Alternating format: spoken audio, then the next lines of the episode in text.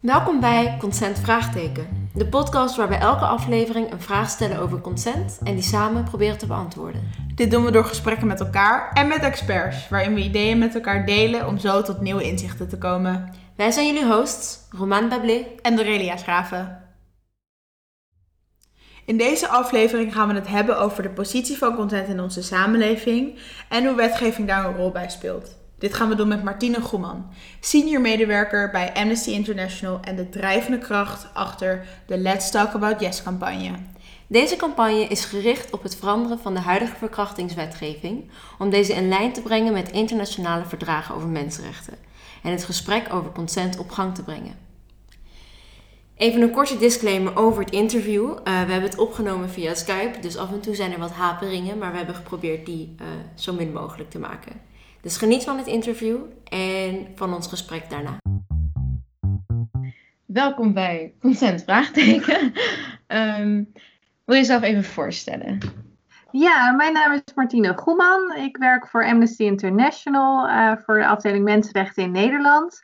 En ik hou me specifiek bezig ook met het genderprogramma. En uh, daaronder valt ook de aanpassing van de verkrachtingswetgeving in Nederland waarom trekt dit onderwerp specifiek jou zo erg?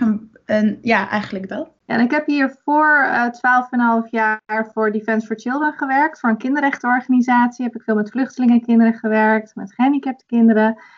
Um, en um, ik denk dat mij gewoon heel erg uh, non-discriminatie trekt me heel erg. Gewoon de gelijkwaardigheid en gelijkheid van mensen. Um, en ik heb nu ook met uh, vrouwenrechten gezien dat er natuurlijk nog een wereld te winnen is. Wat ik zelf heel mooi vind, uh, dat is gelukkig ook bij uh, de Let's Talk About Yes campagne, waar we het zo nog over gaan hebben. Dat we een actiegroep zijn gestart uh, van vrouwen die dit hebben meegemaakt, een verkrachting. En die niet alleen in de media aan het woord kwamen, maar ook met de beleidsmakers om tafel gingen zitten. Dat heb ik ook in mijn vorige werk met kinderen gedaan, om ze ook zo snel mogelijk mee te nemen naar de staatssecretarissen, beleidsmakers die hiermee bezig zijn. Dat ik er heel erg in geloof dat er een hele mooie mix is tussen uh, mensenrechten vanuit de juridische invalshoek, want ik ben van oorsprong jurist. Um, maar om dat niet alleen op papier te zetten, wat een schending is van de mensenrechten, maar ook echt de mensen aan het woord te laten die dingen hebben meegemaakt en die vaak ook heel veel goede adviezen hebben voor beleidsmakers. Um, dus dat trekt mij heel erg, die combinatie van het inhoudelijke juridische, wat we ook voor deze campagne hebben gedaan, hebben we ook rechtspraak uitgezocht en zo. Maar ook die link te leggen met de mensen waar het om gaat uiteindelijk. Ja. Dus ons doel is ook altijd een beetje tweeledig geweest. We willen en heel graag de wet aanpassen, uh, zodat dus niet meer geweld uh, en dwang centraal staat bij het verkrachtingsdelict, maar het ontbreken van instemming, consent. Um, en we willen dat het heel erg bespreekbaar wordt in Nederland. Ja. Uh, want we zien, um, toen we in juni ook naar buiten gingen met deze campagne, hebben we onderzoek laten doen door INO Research. En daaruit bleek wel dat heel veel mensen het nog heel moeilijk vinden om over consent te praten. Of dat gewoonweg ook niet geleerd hebben op school. Je leert vaak als heel klein kind al, stop, hou op, ik wil het niet. Weet je dat leren ze al op de basisschool. maar niet uh, de vraag, uh, mag ik jou een knuffel geven of zo. Dat stukje consent zit eigenlijk nog niet zo in de voorlichting op dit moment. Wat is Let's Talk About Yes? Eigenlijk, daar ben je net al een beetje over begonnen. Maar uh, specifiek, wat houdt de campagne precies in en wat is het doel daarvan? Ja, Let's Talk About Yes is een campagne, eigenlijk een Europese campagne van Amnesty International. Het speelt in verschillende landen, uh, waar de wetgeving nog niet in lijn is met de mensenrechtenverdragen. Mm. Uh, Nederland heeft ook bijvoorbeeld het Istanbul-verdrag getekend, het Vrouwenverdrag, uh, waarin bij verkrachting het gaat om het ontbreken van instemming, van consent. Nou, we zagen dat de wet in Nederland echt ouderwets is, want er staat dus bij, voor verkrachting moet dwang worden bewezen. Um, dus dat was al niet in lijn met de mensenrechtenverdragen. En we hebben ook nog gekeken naar de rechtspraak in de afgelopen paar jaar. En zagen ook wel van ja, rechters kunnen dat niet zomaar aanpassen, die leemt in de wet. Dat moet echt, uh, ja, de wetgevende macht, die moet hier ja, uh, wat gaan doen. Um, en toen uh, kondigde de minister in Nederland aan dat hij ook het probleem wel zag. Maar hij wilde niet het verkrachtingsdelict aanpassen, maar hij wilde een nieuw delict introduceren. Ja. En dat heette dan uh, seksuele interactie tegen de wil, waar de helft van de straf op zou komen staan van verkrachting. Nou, daar waren we op tegen, want wat is seksuele interactie tegen de wil? Dat is verkrachting. Hm. Als er geen instemming is, dan is het verkrachting en niks anders. Uh, wat uh, ook de mensen die dit meegemaakt hebben, die zeiden ook van ja, sowieso seksuele interactie. Het heeft niks met seks te maken wat me het heeft niks met interactie te maken, want vaak deed één iemand iets wat de ander gewoon helemaal niet wilde, vaak bevroren van angst. Mm. Um, dus gewoon en foute woorden en die helft van de straf, daar gaat natuurlijk ook een signaal van uit, dat alsof het wat minder erg zou zijn een soort verkrachting light uh, versie. Ja. Um, dus we hebben daarvoor uh, die 53.000 uh, kaartjes verzameld. Dat was echt een aanmoediging aan de minister van wat fijn dat u ziet dat de huidige wet niet meer klopt. Maar pas het dan in één keer goed aan, want dit zijn echt lange trajecten, die wetgevingstrajecten. Dus dat moet nu gewoon in één keer goed. En er zijn ook landen waar, ik geloof één of twee landen, die eerst ook twee van die delicten hadden. Ja. En die hebben het inmiddels aangepast, omdat het gewoon niet bleek te werken. Mhm. Dus ons doel was met Let's Talk About Yes in Europa bewustwording creëren wat er mis is met de wetten. Uh, deze in lijn te brengen met de verdragen en ook het gesprek op gang te brengen in Europa. Uh, voordat we verder gaan, denk ik dat het wel heel erg belangrijk is om te weten waar we het eigenlijk precies over hebben. Dus willen we graag vragen, wat versta jij eigenlijk precies onder consent? Uh, ja, wat betekent het? Ja, consent staat eigenlijk voor gelijkwaardigheid. Dat je allebei wilt wat je aan het doen bent. Dus dat is niet uh, zoals sommigen wel eens vrezen, dat je een soort contract met elkaar moet gaan tekenen of zo als je seks met elkaar wilt hebben. Dat is echt een mythe. Uh, dat werkt ook niet zo in de landen waar ze de wetgeving al hebben aangepast. Uh, contracten, appjes. Het is natuurlijk een, een, doorgaand proces. Je kan best op het ene moment hebben ingestemd, een halve uh, toch ermee op willen. Uh, dus het is doorlopend en het is bij twijfel vragen. Um, en uh, ja, dat, dat klinkt dan misschien een beetje lastig. Van, ga ik het al vragen? Is dat niet ontzettend niet sexy als ik dat doe? Maar toch zullen eigenlijk ook de vrouwen in ieder geval waarmee ik ook werk, die zeggen ook van nou, ik vind het best wel sexy. Want als iemand gewoon maar door zou gaan terwijl ik het niet wilde, heb ik echt liever dat iemand tussentijd even vraagt: hey, wil je dit nog? Of dat kan je ook op een leuke manier aan elkaar gewoon vragen. Ja. Ehm, dus dat is voor mij consent, gelijkwaardigheid en uh, bij twijfel checken bij elkaar eventjes tussendoor. En, uh, en waarom is dit onderwerp zo belangrijk dat er zo'n grote campagne, Europese campagne aan gewijd wordt?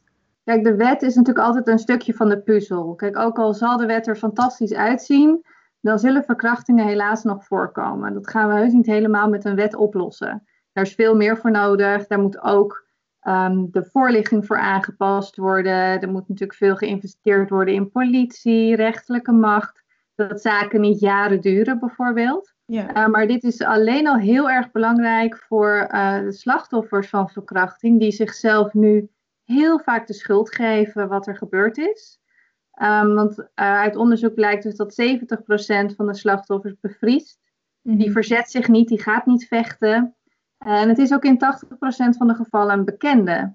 Uh, waar natuurlijk de mythe van verkrachting, van die, die gek die je uit de bosjes uh, van je fiets trekt um, en dat je vecht voor je leven en dan uh, word je verkracht. Ja, dat, dat is in sommige films misschien op die manier wordt dat weergegeven. Maar dat is niet het merendeel van de zaken. Is het gewoon een bekende? Is het een vriend? Is het iemand van de studentenvereniging? Iemand in de familie? En dat maakt het misschien ook wel eng voor veel mensen. En uh, daardoor zie je ook bij slachtoffers die ervoor uitkomen wat er met hen gebeurd is.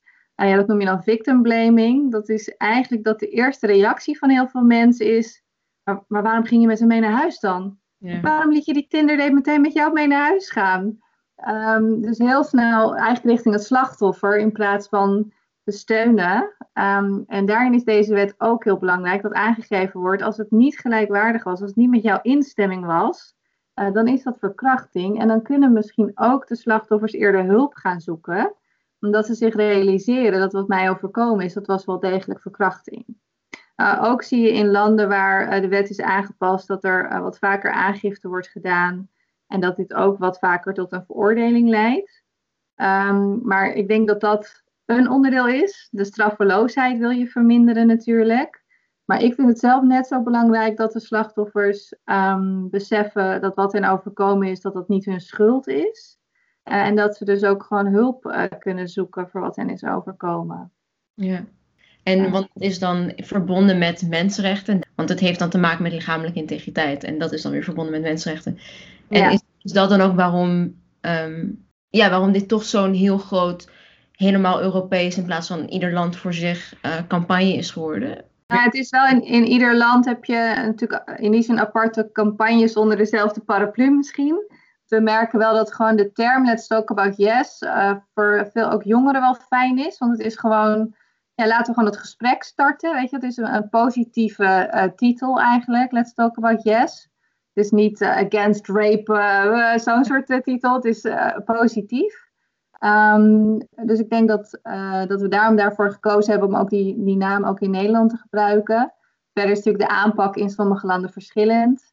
Niet in ieder land is er een actiegroep van survivors uh, actief geweest. Um, in sommige landen uh, was er al een hele grote vrouwenbeweging op gang.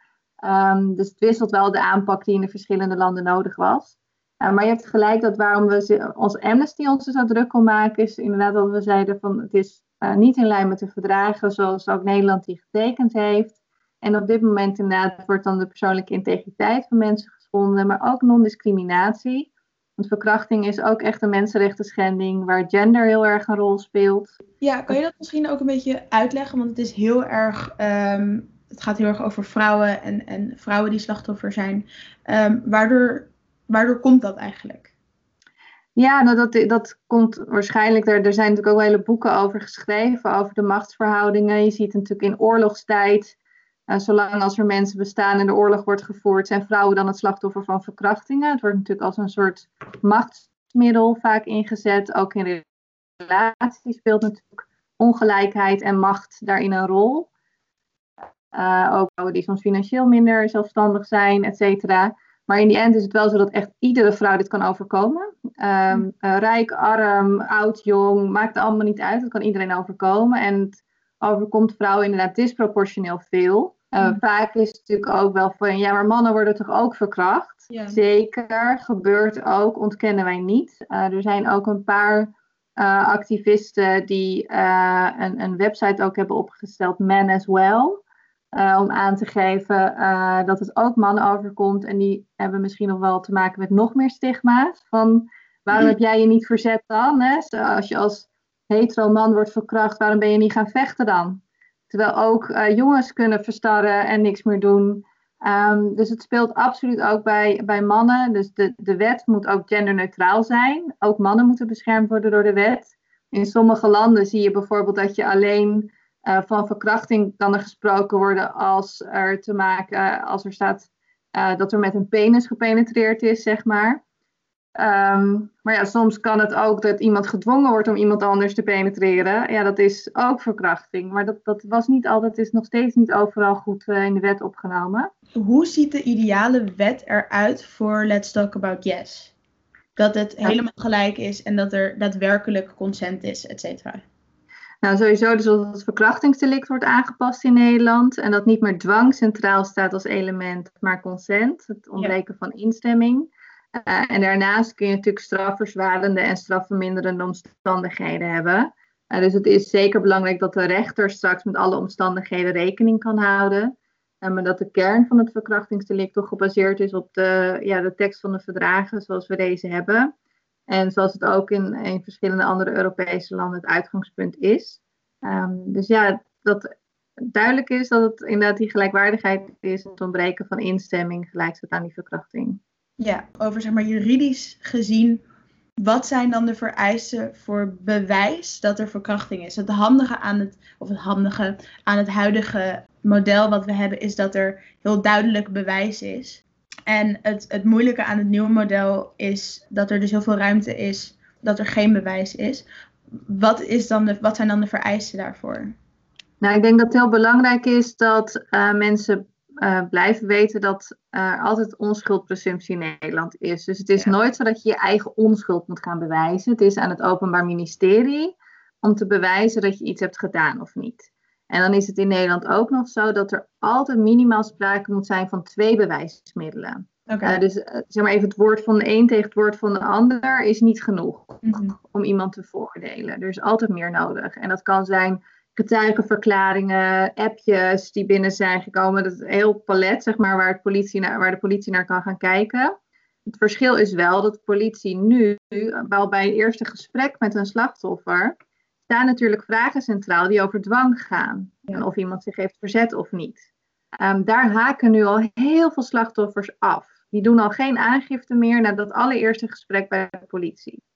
Terwijl als de politie ook te maken heeft bij een wet waarbij consent centraal staat, zullen ze ook op die manier vragen moeten gaan stellen aan de verdachte.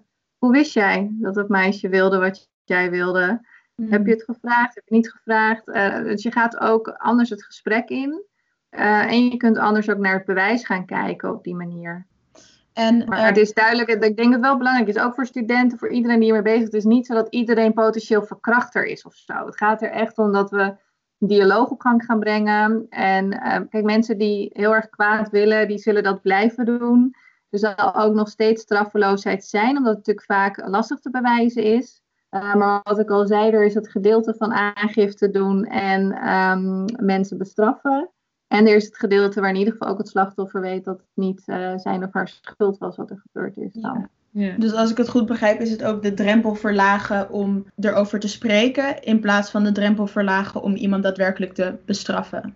Ja, zeker. En ook om dat stukje victim blaming wat weg te nemen. Uh, en ook de gesprekken bij de politie, die nu soms best trauma, tra ja, gewoon extra trauma hebben toegebracht aan slachtoffers dus dit gaat allemaal uit, net zoals uh, de, de wet volgt de maatschappij en de maatschappij volgt de wet. Dat, zo gaat dat een beetje. En hoe ziet u nu de maatschappelijke norm omtrent consent? Hoe daarover nagedacht wordt, hoe daarover gesproken wordt, over gehandeld wordt, los van het juridische gedeelte? Ja, en ik denk dat je, je merkt dat er ontzettend veel interesse in is. We hebben zeg maar bij Amnesty nog nooit zoveel reacties op social media berichten en zo gehad. Eigenlijk allemaal positief. Ook heel veel mensen zeiden, oh, het is me ook overkomen. Wat fijn dat er eindelijk over gesproken wordt. Dat vrouwen voor zichzelf opkomen, in gesprek gaan met die beleidsmakers.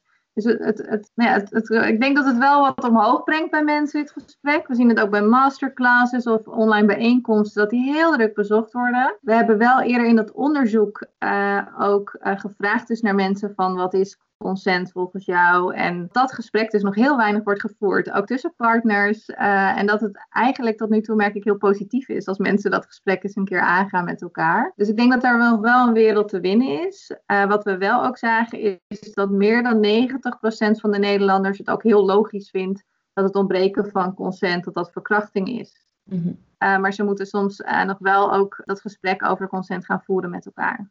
Ja, ja. Amnesty focus is voor een heel groot deel op het uh, juridische aspect ervan. Maar los daarvan, wat is er nodig om, om naar een soort ideale wereld toe te gaan van praten over consent en ja, die wereld te bereiken? Wat is daarvoor nodig, denk je? Ja, nou, gelukkig uh, naast het juridische stuk hebben we ook veel contact met organisaties als Rutgers en, en Atria. Die um, geven voorlichting aan jongeren op middelbare scholen. Um, en die hebben ook echt een oproep gedaan aan de minister om uh, de voorlichting aan te passen en veel meer op scholen te gaan hebben over consent. Dat is zeker heel erg nodig. Um, niet alleen de jonge mensen, maar ik vind ook de volwassenen.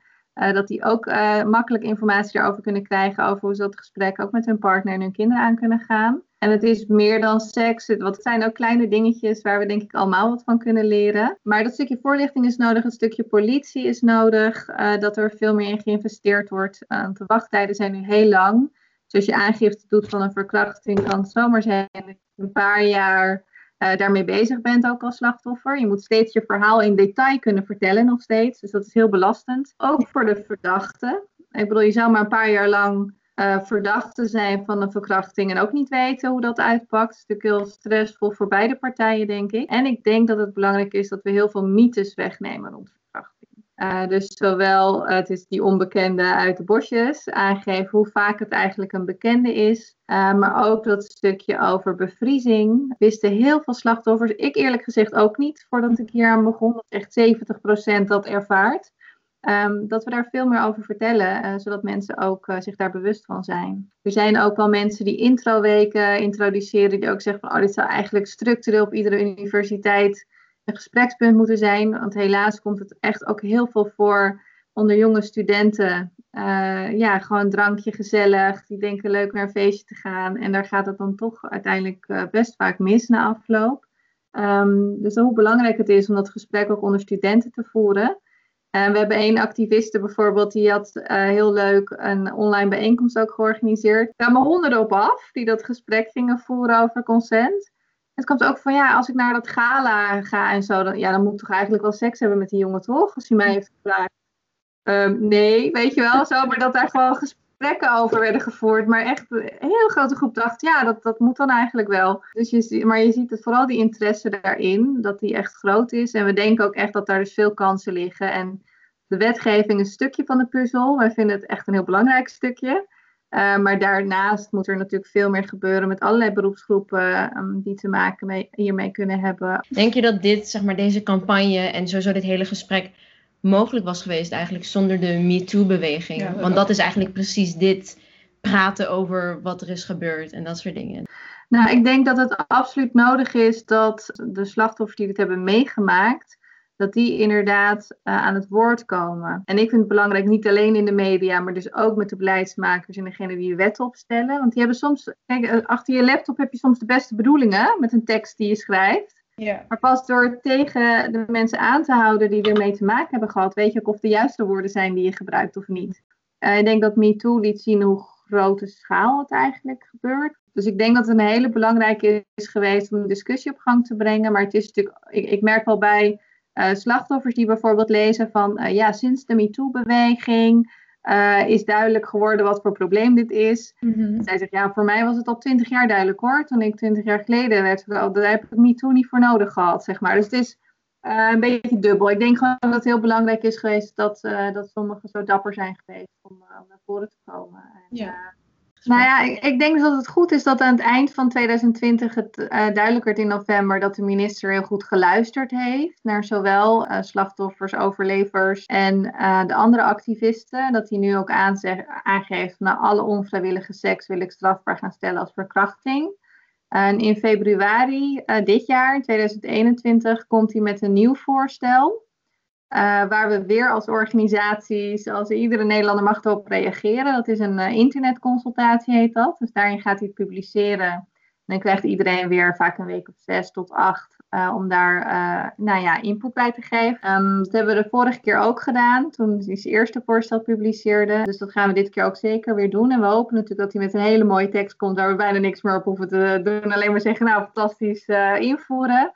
Um, maar dat moeten we zien. Maar in ieder geval denk ik heel positief dat hij heeft geluisterd en niet volhard in dat tweede delictensysteem, maar dat hij nu ook aangeeft van het verkrachtingsdelict moet aangepast worden. Dus dat is echt heel positief. Ja. Die wet moet er nog wel even komen, zeg maar. Dus we zijn nog wel even bezig, denk ik. Ja. Nou, volgens mij willen we jou heel erg bedanken voor dit gesprek. we hebben heel veel geleerd. En ook, nou, gewoon dankjewel. Ook voor Let's Talk About Jazz. En, uh, ja, nou super tof. En heel veel succes met het afronden van alles in deze gekke, gekke tijd. Ja, ja dankjewel. En uh, ik ben heel benieuwd. Heel veel succes. Nou, we hebben dus gepraat met Martine Groeman. Wat vond je ervan als allereerst? Ik vond het echt een heel fijn gesprek. Ik vond een hele fijne energie van haar. En we hadden een paar vraagtekens achter de Amnesty-campagne en uh, de wetgeving die ze willen. De benaming van zo'n soort uh, juridisch model over verkrachting en aanranding, over verkrachting, hmm. heet een consent-based model. Ja, en dat houdt even kort in, dat houdt in dus, waar we het ook al over hebben gehad, um, dat er in plaats van dwang er een gebrek aan instemming is. En dat uh, wilt de Let's Talk About Jazz campagne dus. Ja, en wij hadden daar dus eerst uh, een paar vraagtekens achter. Omdat we dachten, oh, uh, wordt dat dan niet, zorgt dat dan niet te veel voor een angstcultuur... waarin mensen zich niet meer vrij voelden? Ja, we waren er kritisch over. Martine Goeman, die zei dat zelf ook al. Um, die, de, die contractencultuur. Ik denk wat heel veel mensen denken Ehm, is dat met zo'n wetgeving dat er echt een contract moet zijn. En dat je moet zeggen, oké, wil je seks met me hebben? Ja, en dan pas mag het of zo. En wij dachten niet per se dat het in de praktijk zo zou zijn. Maar wij waren eerder huiverig over, over wat voor resultaat het zou hebben dat mensen dat zouden denken. Zeg ik het ja. ja. Alleen al dat ze hun handelen en alles veranderen uh, uit angst in plaats van uit een bewustzijn van iemand anders grenzen en wensen. Ja, ik vergelijk het ook wel met de manier waarop er nu wordt gekeken naar racisme. In plaats van ik wil niemand pijn doen, is het ik ben bang dat ik gecanceld word. En waar ik een beetje huiverig over ben, is dat deze wetgeving en de manier waarop we nu kijken naar consent, dat ook zal doen binnen seksueel consent geven en binnen seksuele instemming. Nou heeft het gesprek met Martine dat wel veranderd, mijn, mijn zicht daarop. Zeker ook omdat, wat ze zelf benoemde, dat dit juridische aspect is maar een stukje van de puzzel. Ehm, en iets wat ze noemde was ook, het is ook niet zo dat bij dit model, bij de consent-based model, Mhm. dat het dan opeens is dat iemand op basis van een accusatie alleen al naar de gevangenis kan. Ja, Want je hebt in Nederland gewoon onschuldpresumptie. Ja. En, de, en de, de situatie zoals die eerst was, was eigenlijk he said, she said. Dus dan gaan we er maar van uit dat er geen verkrachting was. Dan gaan we maar niks onderzoeken. Of nou, niet per se niks onderzoeken, maar dan gaan we maar niet beginnen aan het onderzoek. Want eh, Want er is geen bewijs tussen Precies. Eh, terwijl nu gaat het zo zijn van oké, maar we gaan kijken waar we wel meer bewijs kunnen vinden voor de een of de ander. Ja, Weet je, precies. het is het, omdat inderdaad als iemand naar de politie gaat en aangifte doet van een verkrachting waarin zij, en ik gebruik nu even de term zij, maar het kan iedereen zijn, Ja. eh, zij dat, dat je gewoon stilletjes op je bed wordt gehouden of op de grond en dat je niet ehm, durft te bewegen door een door wat we al in de eerste aflevering hebben besproken, tonic immo- immobility. Ja, de bevriesreactie. Ja, en da- daardoor heb je dus weinig tot geen verwondingen op je lichaam. En als je dan een wetgeving hebt die die verwondingen als de minimum bewijslast stelt, Ja. dan merk je meteen hoe, hoe de rechtspraak enorm Tekort komt. tekort komt inderdaad in het beschermen van, van de burgers. Ja, precies. Maar zoals Martine ook al zei, de wetgeving is echt maar deel van de puzzel als het gaat om de ehm, veranderende positie van consent in onze samenleving. Eh, de Let's Talk About Yes campagne is dus ook heel erg gericht op het, gewoon het, het verbreden van het gesprek en het zorgen dat eh, het taboe er een beetje vanaf gaat. En ik heb wel echt het idee dat we nu in een tijd zitten waarin dat echt heel erg aan het veranderen is. Voordat we hier onderzoek naar deden, waren we heel erg van de mening van nou, we, moeten verandering, we moeten zorgen dat de huidige cultuur rondom consent verandert. Ehm, anders dan blijven bewuste en onbewuste grensoverschrijdingen de norm en eh, dat is slecht voor de samenleving, wat zo is. Hè? Maar wat, waar we achter zijn gekomen door dit gesprek en door, onderzoeken, en door onderzoek te doen, is dat we eigenlijk in een shift zitten. En dat we eigenlijk in een, in een tijd zitten waarin die positie aan het veranderen is. En nou denk ik heel erg dat soort van de druppel die de emmer liet overlopen, de MeToo-discussie was. Ja, dat denk ik ook. Of ik denk dat ehm, vrouwen als Tarana Burke zeiden: oké, genoeg. En dan in eerste instantie over wat er zwarte meisjes in Amerika wordt aangedaan. Ehm, en uiteindelijk was dat inderdaad van: nee, inderdaad, genoeg. Voor alles, voor iedereen. Ja. Gewoon klaar. Ja. En dat was ook iets wat ik me eigenlijk later realiseerde. Want wij waren allebei 15 ehm, tijdens de MeToo eh, opkomst, de opkomst van MeToo. Ja. In het moment heb je niet door. Tenminste had ik niet door hoe groot dit was. Ik, ik wist dat er iets groots gaande was. Maar je begrijpt niet echt de scope ervan, de schaal ervan. Ja. En ik dacht er echt zo drie jaar of twee jaar geleden weer aan. Ja, ik was volgens mij een documentaire aan het kijken. En toen lieten ze al die tweets zien. Weet je wel, zo snel achter elkaar wat ze wel eens doen in documentaires. En toen dacht ik opeens, dat zijn allemaal echte mensen. Die dit allemaal echt hebben meegemaakt. Mm. En dan hebben we het over miljoenen mensen. Over letterlijk overal in de wereld. Weet je wel, in het westen, in het oosten. Iedereen heeft, nou niet iedereen heeft zoiets meegemaakt, maar Iedereen kent in ieder geval iemand die het heeft meegemaakt. precies. En dan als je daar echt even bij stilstaat, dan, dan kan er eigenlijk geen sprake zijn dat er geen shift is gebeurd. Ja, ja, ja, dat er geen progressie plaatsvindt. Wel even voor de duidelijkheid, wij zijn er best wel neutraal in. Tenminste, als ik voor mezelf spreek. Ik vind niet de MeToo-beweging een soort vlekkeloze operatie is geweest. Die het discours rond consent zo heeft verbreed dat iedereen nu... Weet je, dat, dat is gewoon niet waar. Dat is niet de realiteit. Ik zat net ook te denken, MeToo heeft eigenlijk dus het grootschalige grensoverschrijdend gedrag eh, tentoongesteld wat, in, wat een wereldwijde cultuur is. Ja. Maar het was niet per se een gesprek over consent wat ze opstarten. Nee. Het was een gevolg van die tentoonstelling van alles. En dat mensen dachten, shit, Ja. hier gaat iets echt niet goed. Ja. Ehm, en we wisten het eigenlijk allemaal, maar ook weer niet helemaal. En Ja. ook weer wel. En dat is dus weer omdat er niet over gepraat wordt. precies. En MeToo was van nee, we gaan er nu over praten. Dat is uiteindelijk omgegaan inderdaad eh, in een cancel culture. Eerst van mensen als Harvey Weinstein en dan denk je, ja. Dan denk je, die mensen moeten gecanceld worden. Ja. Ja. Maar Ehm, in het, in, het, in het schrijnendste geval, Aziz Ansari, eh, dat, dat is een eh, acteur die ook een, een, eh, een MeToo heeft gehad, om het maar even zo te zeggen. Ik, ik heb, ik heb de, de accounts daarvan gelezen en het lijkt alsof het een hele ongemakkelijke situatie was.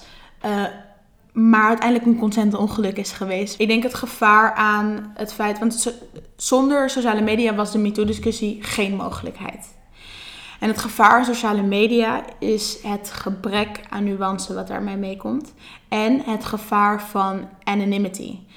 Exposen gaat net zo makkelijk als strollen op social, sociale media. Omdat je gewoon achter je scherm zit. En niet om in, die, om in dat, dat, dat victim blaming gedachtegoed te vallen. En dat we vrouwen niet moeten geloven, want dat moeten we wel. De- Ook omdat de meeste zijn niet false accusations. Precies, precies. Maar gewoon de, de, het gebrek aan nuance van social sociale media is gevaarlijk. En dat is waarom we ook inderdaad niet met een soort vlaggetje voor MeToo rondrennen. Precies. Omdat we wel denken, ja, We moeten kritisch blijven. We Ja. moeten kritisch blijven. dit gaat eigenlijk allemaal door inderdaad weer op being mindful of the other. We moeten ons gaan navigeren in, ons, in hoe we het gesprek rondom consent gaan voeren. Mm. En die navigatie, dat gaan we bespreken in de derde aflevering. Ehm, maar die navigatie is moeilijk en we gaan fouten maken. Punt, eigenlijk. Eh, Martine die zei, het kan iedereen overkomen. Verkrachting. En dat is zeker waar. Ehm, maar waar wij nog wel even toelichting bij willen geven is dat verkrachting is voor een heel groot deel machtsuitoefening. Het gaat niet om seks, het gaat om macht. En wat daarbij komt kijken is dat, net zoals gender daar een rol bij speelt, heel veel andere dingen die jouw sociale identiteit bepalen, daar ook een heel grote rol bij spelen.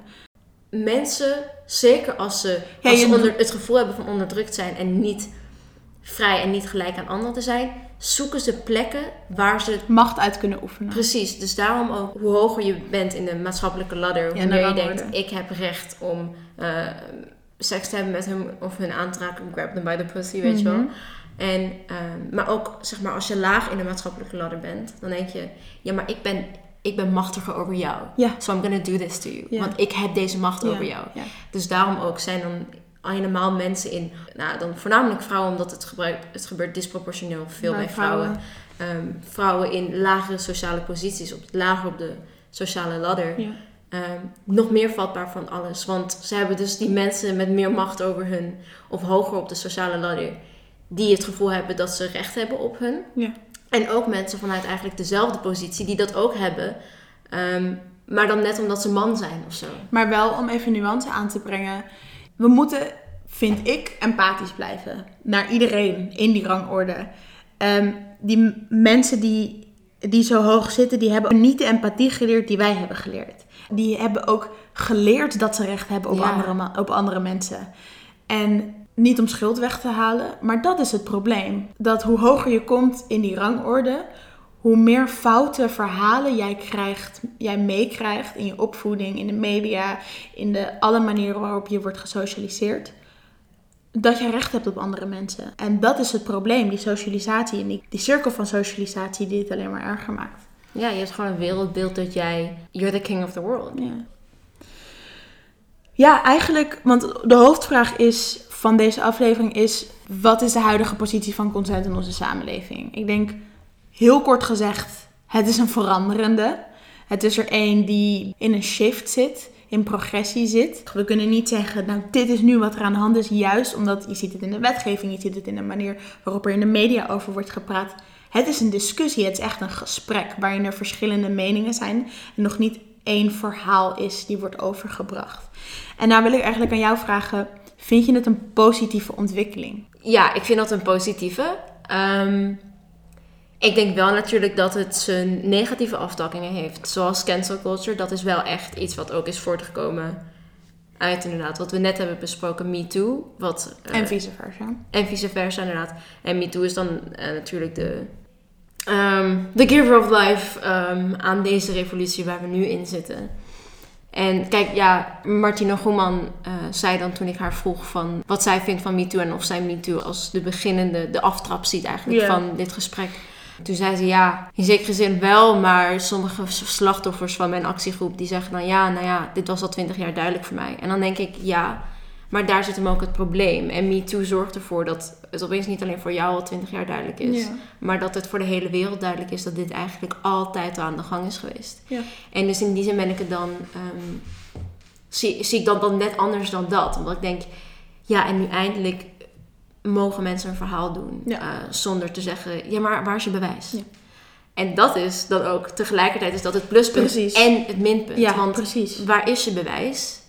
En inderdaad, goed dat je dit nu kan zeggen. En dat je niet meteen de grond in wordt getrapt. Wat trouwens nog steeds heel veel gebeurt. Het is Mhm. echt niet alsof mensen, alsof verkrachtingsslachtoffers nu opeens hun verhaal kunnen doen en geen backlash krijgen. Mhm.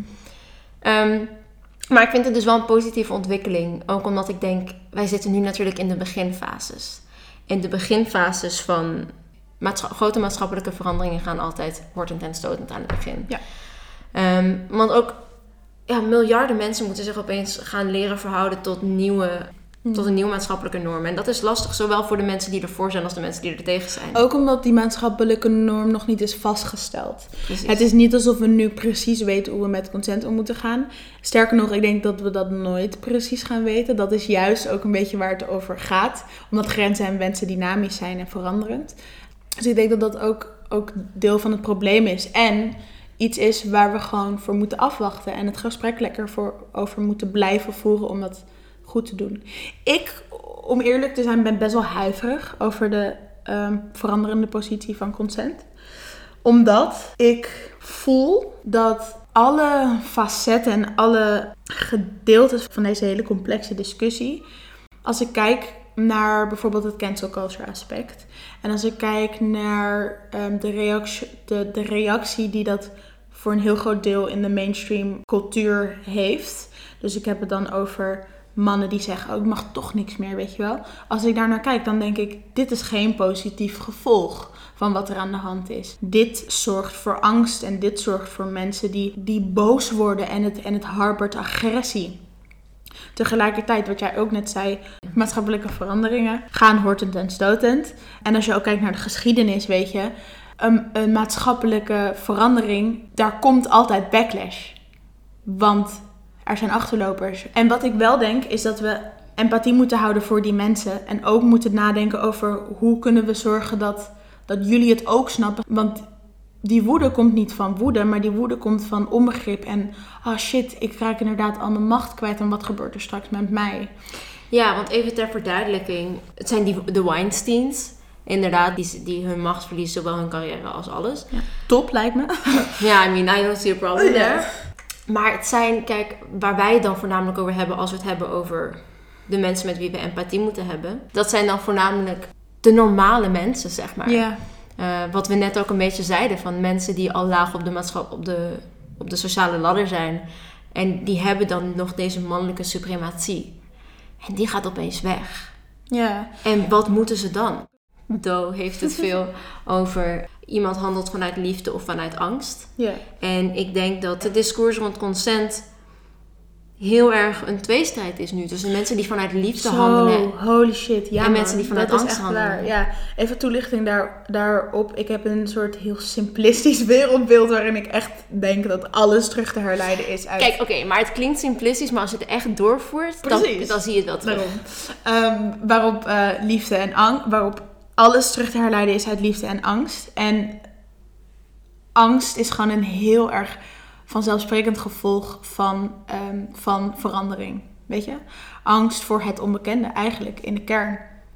En ik ben ook echt iemand, en jij bent ook echt iemand, denk ik, empathische mensen die ook denken van oké, hoe gaan we iedereen meenemen in deze shift? Zodat het gesprek over consent niet alleen maar ehm, bij, bij mensen zoals ons plaatsvindt, maar ook bij mensen die niet bezig zijn met seksualiteit of mensenrechten. En dat praten over consent en praten over seks gewoon normaal wordt. En dat hoop ik heel erg dat dat, dat, dat het gevolg gaat zijn. Of dat zo is, ben ik echt huiverig over. En dat weet ik gewoon echt niet zeker. Ik denk het dus wel echt. Ja, want ik ben niet per se iemand die optimistisch of pessimistisch is ingesteld als ik kijk naar het wereldbeeld in de toekomst. Ehm, maar ik denk wel dat dit uiteindelijk on the long run mm. positief is. Ja. Oké. Let's end on that positive note. We willen graag Martine Groeman bedanken voor haar tijd en deelname aan deze podcast. En natuurlijk jullie lieve luisteraars voor het luisteren naar consent vraagteken. Onthoud, de klit is het enige menselijke orgaan met als enige doel genot. Dus blijf lekker neuken. Behalve als je daar geen zin in hebt. Doeg! Doeg!